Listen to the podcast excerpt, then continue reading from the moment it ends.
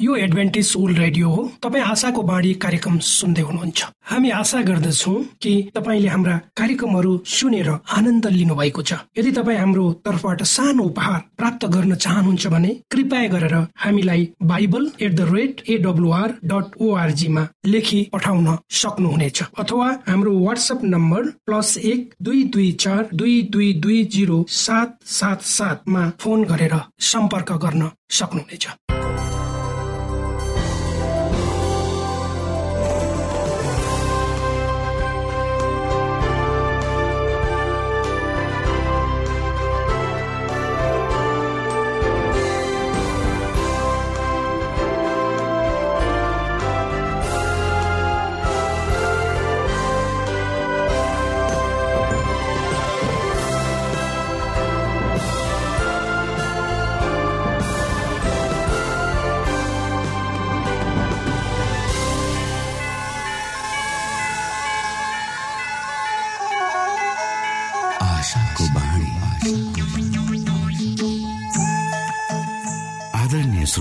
नमस्कार। यो समय तपाईँ एडभेन्टिस्ट ओल्ड रेडियोको प्रस्तुति भोइस अफ होप आशाको बाणी कार्यक्रम सुन्दै हुनुहुन्छ।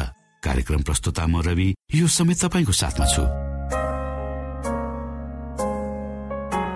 तपाईँकै आफ्नै प्रिय कार्यक्रम आशाको बाणीमा यहाँलाई हामी न्यानो स्वागत गर्दछौ। आउनु श्रोता यो मधुर भजनसँगै हामी हाम्रो मुख्य कार्यक्रम तर्फ लागौं।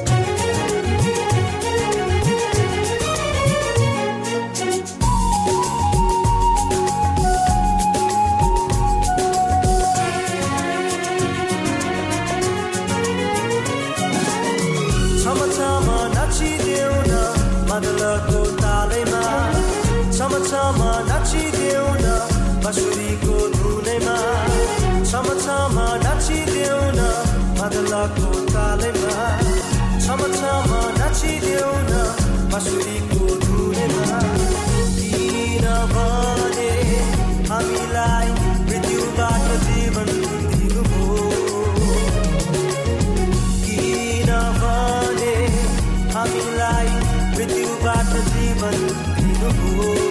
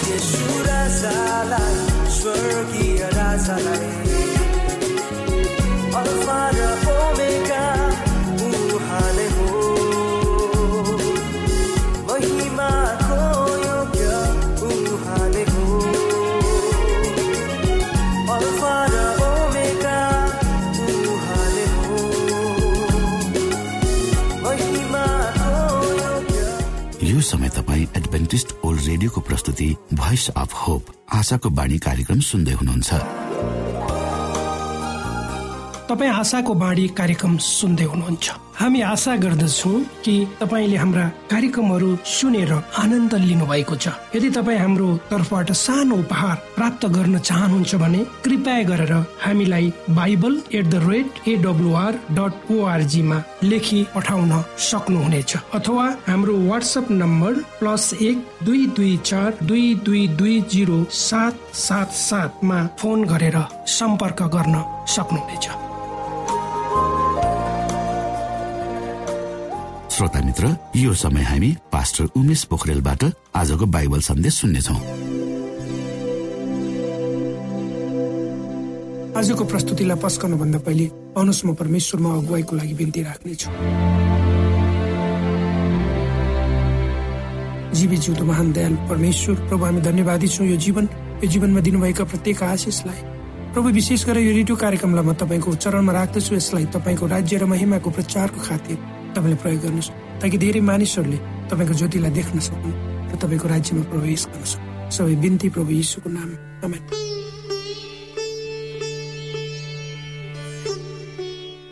श्रोत साथी म तपाईँको आफ्नै आफन्त प्रकाशको आशा कार्यक्रम अन्तर्गत यो संसारमा चोरी हत्या हिंसा र आतंक बढ्नुको कारणहरू के छन् त्यसलाई खोदल्दै उपस्थित भएको छु आजको मेरो मुख्य शीर्षकको प्रस्तुति छ यो संसारको गुनासो र दुखलाग्दो कुराको जवाब प्रकाशले दिन्छ। धेरै वर्ष पहिले घर भनेको एउटा शरण लिने स्थान थियो र घरले मानिसलाई सुरक्षा प्रदान गर्दथ्यो तर आजको समयमा घर घर नै रहेन सबै परिवर्तन भएको छ। हाम्रा बाल बालिकाहरूले विभिन्न किसिमका ठिक र बेठिक आफ्नै किसिमले देखेका छन्। सबै बाल बालिकाहरूको मन प्रतिस्पर्धात्मक भावनाले प्रेरित भएको पाइन्छ। यो समाजमा नैतिकता भन्ने कुरा नभए जस्तो लाग्छ यो दुनियाँ दुविधाको खाडलमा परेको छ। यो समाजले भन्दछ हाम्रो आफ्नै बुद्धि हाम्रो आफ्नो स्तर हो। आजको समाजले कसैलाई केही कुरा भन्दैन। हाम्रो बलले के गर्न हुन्छ के गर्नु हुँदैन। हाम्रो समाजको उद्देश्य यस्तो देखिन्छ जे ठिक छ राम्रो लाग्छ आनन्द प्राप्त हुन्छ र रमाइलो लाग्छ भने त्यसमा लागि बस। तर पवित्र बाइबलले भन्दछ केही कुरा फरक तरिकाले त्यसै कारण हामीले यो शीर्षक लिएका छौँ पवित्र बाइबलमा छ भने म विश्वास गर्छु बाइबलमा छैन भने वा बाइबल सम्मत छैन भने म विश्वास गर्दिन। यो मेरो लागि होइन। यो अनैतिक संसारमा कसरी नैतिकताको संरक्षण गर्ने कसरी हामीले आफ्नो मस्तिष्क र सोचको संरक्षण गर्ने हाम्रा बाल बालिकाहरूको मनोभावनाको संरक्षण कसरी गर्ने अनैतिक संसारमा हामी कसरी नैतिकवान हुने यो संसारका अन्तिम पुस्ताको लागि सन्देश यो पवित्र बाइबलले दिएको छ। यो सन्देश तपाईँ मेरो लागि पनि हो। यसले हामीलाई नैतिकवान हुनको लागि आह्वान गर्दछ। यसले हामीलाई परमेश्वरमा स्थापित हुनको लागि बोलाउँछ। यो अन्तिम सन्देश सबैको लागि हो श्रोता। प्रकाश सातको चौधले भन्छ परमेश्वरसँग डराव र उहाँलाई महिमा देऊ किनकि उहाँको इन्साफको घडी आएको छ। उपयुक्त पंक्तिले हामीलाई भन्छ कसरी हामीले हाम्रो नैतिक जिम्मेवारी वहन गर्नुपर्छ। किन यो समाजमा आतंकका घटनाहरू बढिरहेका छन्? किन यो संसारमा धेरै अनैतिक कुराहरू भइरहेका छन्? किन यहाँ नियम कानुनहरू छैनन्? यसले हामीलाई नैतिक जिम्मेवारी वहन गर्न भन्दैछ। इन्साफको दिनमा हामीले हाम्रो कार्यको हिसाब दिनुपर्छ। मैले जे गरिएको छु त्यसमा म जिम्मेवारी छैन। भने प्रभुलाई कसरी म ती कार्यहरूको हिसाब दिन सक्छु? मानिसको सोचाइ यदि मेरो जिम्मेवारी होइन भन्ने म जड्या छु भने किनकि मेरो बुवा जड्या हुनुहुन्थ्यो मेरो हजुरबा जड्या हुनुहुन्थ्यो त्यसको मतलब म मेरो जिम्मेवारीमा छैन। धेरैले यो बाहना बनाउँछन् यदि म नसाको लतमा छु किनकि मानिसले मलाई बालक सोध्दछन् त्यस्तो भए म आफ्नो जिम्मेवारीमा छैन। म हत्यारा भएको छु किनकि मेरो वंश नै हत्यारा थियो यसमा पनि म जिम्मेवार छैन। जुन समाजमा हामी बस्छौँ धेरैले भन्दछन् हामी आफ्नो कदमको जिम्मेवारी। यो पनि भन्दछन् कि ठिक वा बेठिक चाहिँ केही व्यक्तिगत कुराहरू हुन् जो हाम्रो दिमागले निर्णय लिन्छौ। यो विचारले भन्दछु म आफ्नै मात्र जिम्मेवारी छु। म माथिल्लो शक्तिको जिम्मामा छैन जसलाई परमेश्वर भनिन्छ। जब हामीले त्यो स्थान ओगर्छौँ जहाँ हामी जिम्मेवारी छैनौँ र कुनै उच्च शक्तिहरू छैनन् भन्ने त्यहाँ इन्साफ हुँदैन। त्यसो भए हाम्रो जीवनलाई अगुवाई गर्नको लागि नैतिक स्थान छैन। इन्साफले जिम्मेवारी र नैतिकतालाई छानेको हुन्छ। यो पृथ्वीको इतिहासको अन्तिम क्षणमा परमेश्वरले पुरुष र नारी दुवैलाई इन्साफमा बोलाउनुहुन्छ। के परमेश्वरमा नैतिक स्थान छ? जुन अन्तिम इन्साफमा देखिन्छ उहाँसँग छ। परमेश्वरको व्यवस्था नै नैतिकवान र उहाँको इन्साफको स्थान हो। बाइबलले यो समाजलाई भनेको छ मेरो दिमाग नै मेरो उच्च स्थान हो। त्यहाँ कुनै इन्साफ हुने छैन। बाइबलले भन्दछ हाम्रो व्यवहारको जिम्मेवारी हामी आफै नै हौ। इन्साफको घडी आएको छ बाइबलले हामीलाई परमेश्वरको व्यवस्थामा बोलाएको छ जुन प्रभुको नैतिक स्थानहरू हुन्। सन्त याकुब यसु क्रिस्टको भाइ उहाँले यसरी राखेका छन् आफ्ना कुरा। यसकारण तिमीहरूको बोली र व्यवहार र स्वतन्त्रताको व्यवस्था बमोजिम न्याय पाउनेहरूका जस्ता होस्। परमेश्वरको सम्पूर्ण व्यवस्था स्वतन्त्रताको व्यवस्था यहाँ केही उदाहरणहरू दिएको छ। छैटौँ आज्ञा। प्रस्थान बिसको तेह्रले भन्छ हत्या नगर्नु। यसले जीवन र समाजलाई बचाउँछ। सातौं आज्ञा। प्रस्थान बिसको चौधले भन्छ तिमीले व्यविचार नगर्नु। यसले परिवारको संरक्षण गर्छ। आठौं आज्ञा तिमीले चोरी नगर्नु। यसले हामीले जे पाएका छौँ सो हाम्रो सम्पत्तिको रक्षा गर्छ। विचार गर्नुहोस्। यो समाजको छनौटले यदि परमेश्वरको सिद्धान्तलाई खुलम खुल्ला रूपले नकारियो भने वा सहमत भएन भने के हुन्छ होला? प्रकाश एघारको उन्नाइसले भन्छ स्वर्गमा परमेश्वरको मन्दिर खोलियो र उहाँको मन्दिरभित्र उहाँका करारको सन्दुक देखियो। करारको सन्दुक के हो? मोसालाई परमेश्वरले भन्नुभयो यो पृथ्वीमा मन्दिर बनाउनु र परमेश्वरको करारको सन्दुकमा परमेश्वरको व्यवस्था हुनेछ। परमेश्वरको व्यवस्था मन्दिरभित्र राख्यो एउटा नैतिक शिक्षाको लागि। परमेश्वरको करारको सन्दुकमा परमेश्वरको व्यवस्था छ। परमेश्वरले व्यवस्था पालन गर्नको लागि हामीलाई बोलाउनु भएको छ। परमेश्वरको व्यवस्था उहाँको सिंहासनको जग। इन्साफ र व्यवस्था सुसमाचारका पाटा हुन्। र कसैले भन्दछन्? उहाँको अनुग्रहले हामी बचाइएका छौँ र हामीले व्यवस्था पालन गर्नु पर्दैन। जब परमेश्वर क्रुसमा टाँगिनु भयो उहाँले पापी मानिसहरूलाई न्याय दिएर हाम्रो साटो क्रुसमा चढ्नु। इन्साफ सुसमाचारको पाटो हो। हेर्नुहोस् यदि परमेश्वरले व्यवस्था परिवर्तन गर्नु भएको भए यसु क्रिस पापको खातिर मर्नुपर्ने थिए। पवित्र बाइबलले भन्दछ पापको ज्याला मृत्यु हो। परमेश्वरको व्यवस्था परिवर्तन भएको भए किन यसु क्रिस मर्नु पर्थ्यो र उहाँको मृत्यु भयो किनकि हामीले व्यवस्था भङ्ग गरेका छौँ? पहिलो यौना तिनको चारले भन्छ पाप गर्ने हरेकले व्यवस्था भङ्ग गर्छ पाप नै व्यवस्थाको भङ्ग हो। र मलाई लाग्दैन होला कि चोरी गर्नु पाप होइन। पाप चाहिँ हामीले सोचे भन्दा पनि ज्यादा छ। बाइबलले पापको व्याख्या गर्छ। पाप व्यवस्थाको भङ्ग कोही मानिसहरूले भन्छन् हेर म मेरो विवाद सम्बन्धमा सन्तुष्ट छैन। कोही मानिसहरूले भन्दछन् हेर म मेरो विवाहको सम्बन्धमा सन्तुष्ट छैन। त्यसै कारणले मेरो सेक्रेटरी स्वकीय सचिवसँग म सम्बन्ध राख्छु के त्यो ठिक छ? किनकि यो त बेविचारीसँग सम्बन्ध राख्छ। बाइबलले भन्दछ बेविचार नगर्नु। परमेश्वरको व्यवस्थाले निरन्तर नैतिक स्थान दिन्छ। जसले पापको व्याख्या गर्दछ र हाम्रो हिसाब परमेश्वरलाई दिन्छ वा राख्दछ। परमेश्वरको व्यवस्थाले नैतिक शिक्षाको व्याख्या गर्दछ जुन कुरा हामीले आफ्नो दिमागमा लिएका हुँदैन। पवित्र बाइबलले भन्दछ पाप व्यवस्थाको भङ्ग हो र परमेश्वरको इन्साफको दिन आएको छ। बाइबलले भन्दछ हामी आफ्नो कार्यको जिम्मेवारी हामी आफै हौ। हाम्रो बाइबलले भन्दछ परमेश्वरको सिंहासनको जग परमेश्वरको व्यवस्था हो। हाम्रा बाल बालिकाहरूलाई आजकल के आवश्यकता छ? हत्याको पौष्टिक आहार होइन हिंसा होइन र टिभीको अनैतिकता पनि होइन। हाम्रा बाल बालिकाहरूलाई परमेश्वरको सिद्धान्त सिकाउनु पर्छ जो परमेश्वरले हामीलाई दिनुभएको छ। परमेश्वरको नैतिक व्यवस्थाले हामीलाई संरक्षण गर्दछ। परमेश्वरको व्यवस्था त्यो नियम कानुन होइन जसले हामीलाई हाम्रो खुसीबाट टाढा राख्दछ। परमेश्वरको व्यवस्था स्वतन्त्रताको एउटा पथ हो र यसले वास्तविक खुसी दिन्छ। परमेश्वरको व्यवस्थाले हामीलाई त्यो जीवन शैलीबाट संरक्षण गर्छ जसले हामीलाई भत्काउँछ केही इसाईहरूले यो पनि भन्दछन् हामी व्यवस्थाको प्रचार गर्दैनौँ हामी उहाँको प्रेमको प्रचार गर्छौँ। लाग्दछ यी दुई भिन्न कुराहरू हुन्। प्रेमले हामीलाई आज्ञाकारितामा डोर्याउँछ वा लैजान्छ। प्रेमले हामीलाई अनाज्ञाकारी बनाउँदैन। प्रेमले हामीलाई परमेश्वरको आज्ञा पालन गर्न सिकाउँछ। यौन चौधको पन्ध्रले भन्छ तिमीले मलाई प्रेम गर्दछौ भने मेरा आज्ञाहरू पालन गर्ने छौ। के परमेश्वरले यो भन्नुभएको छ? तिमीले मलाई प्रेम गर्यो भने मेरा आज्ञा पालन गर्नु पर्दैन। प्रेमको उत्तर उहाँको आज्ञा पालन गर्नु हो। हामी आज्ञाकारी हुन्छौँ परमेश्वरको पक्ष पाउनको लागि होइन। यो चाहिँ हामीले गरेको प्रेमको प्रतिफल हो। हामी परमेश्वरको आज्ञाकारी हुनु भनेको मुक्तिको लागि मात्र होइन। म जोगिनको लागि आज्ञाकारी हुने होइन तर परमेश्वरले हामीलाई जोगाउनु भएको छ भनेर आज्ञाकारिताले म मुक्ति कमाउन सक्दिन। यसु क्रिस्टले हाम्रो लागि मुक्ति ल्याउनु भएको छ क्रुसको बलिदानद्वारा। पहिलो यौना दुईको तिन र चारले भन्छ यदि हामीले उहाँका आज्ञाहरू पालन गर्यो भने यसैबाट हामी थाहा पाउन सक्छौ कि हामी उहाँलाई चिन्दछौ। यहुनाले यहाँ भन्दछन् यो चाहिँ परमेश्वरलाई चिन्छु भन्ने गवाई हो। हामी विश्वासमा गवाई भएका छौँ। साँच्चै हामी परमेश्वर यीशु क्रिसका सत्य गवाई हो।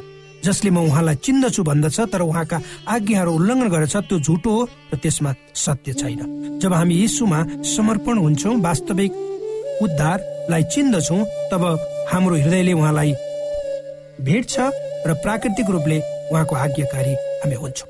परमेश्वरको व्यवस्था हटाइएको छ भनेर कसैले भन्छन् त्यो आज्ञालाई बिर्सिदिनुहोस् भन्छन् भने तिनीहरूले आदि सुसमाचार मात्र प्रचार गरिरहेका हुन्छन्। अनुग्रह र व्यवस्था नमिल्दा विचार होइनन्। जब हामी अनुग्रहद्वारा बचाइने छौँ तर अनाज्ञाकारिताले हामीलाई बचाउँदैन आज्ञाकारिताले हामीलाई बचाउँछ। व्यवस्थाको भूमिका के हो? पहिलो मुक्ति भनेको अनुग्रह हो। पुरानो करारमा यसु क्रिस्टलाई हेरिरहेका थिए जो आउँदै हुनुहुन्छ। नयाँ करारमा आइसक्नु भएको प्रभुलाई हेर्छौ। तिनीहरू आउनेवाला अनुग्रहबाट बचाइएका छन्। हामीहरू आइसकेको अनुग्रहबाट बचेका छौँ। तर यो सबै अनुग्रहद्वारा हो भने र परमेश्वरको व्यवस्थाको भूमिका के हो त?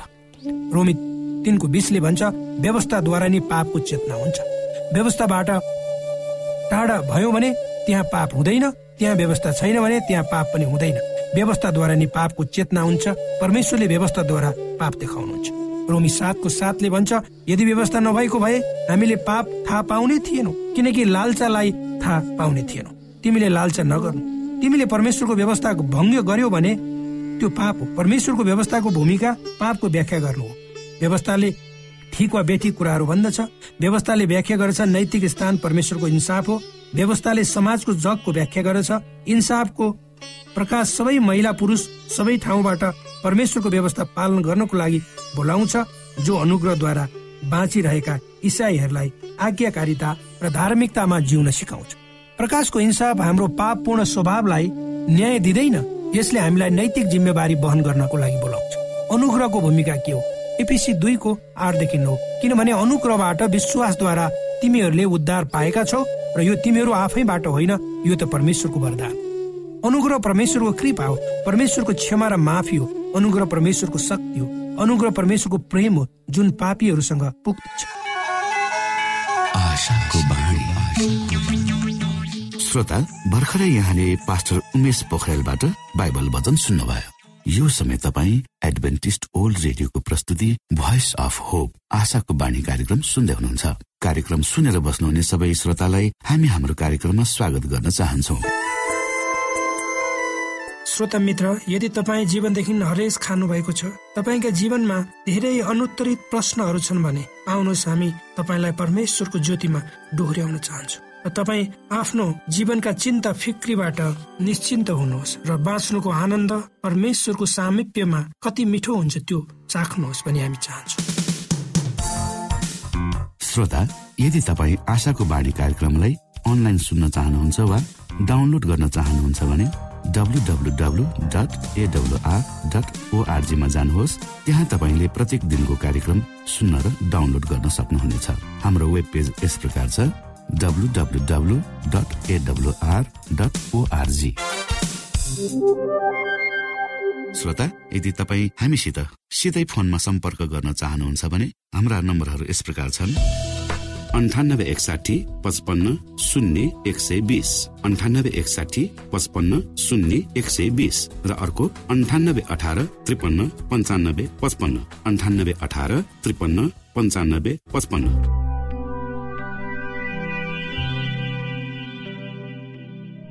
यो एडभेन्टिज ओल्ड रेडियो हो। तपाईँ आशाको बाणी कार्यक्रम सुन्दै हुनुहुन्छ। यस सम्बन्धी थप जानकारीको लागि कृपया गरेर हामीलाई सम्पर्क राख्न सक्नु हुनेछ हाम्रो इमेलको ठेगाना Bible at the rate AWR dot ORG अर्थात् B I B L E at AWR dot ORG हो।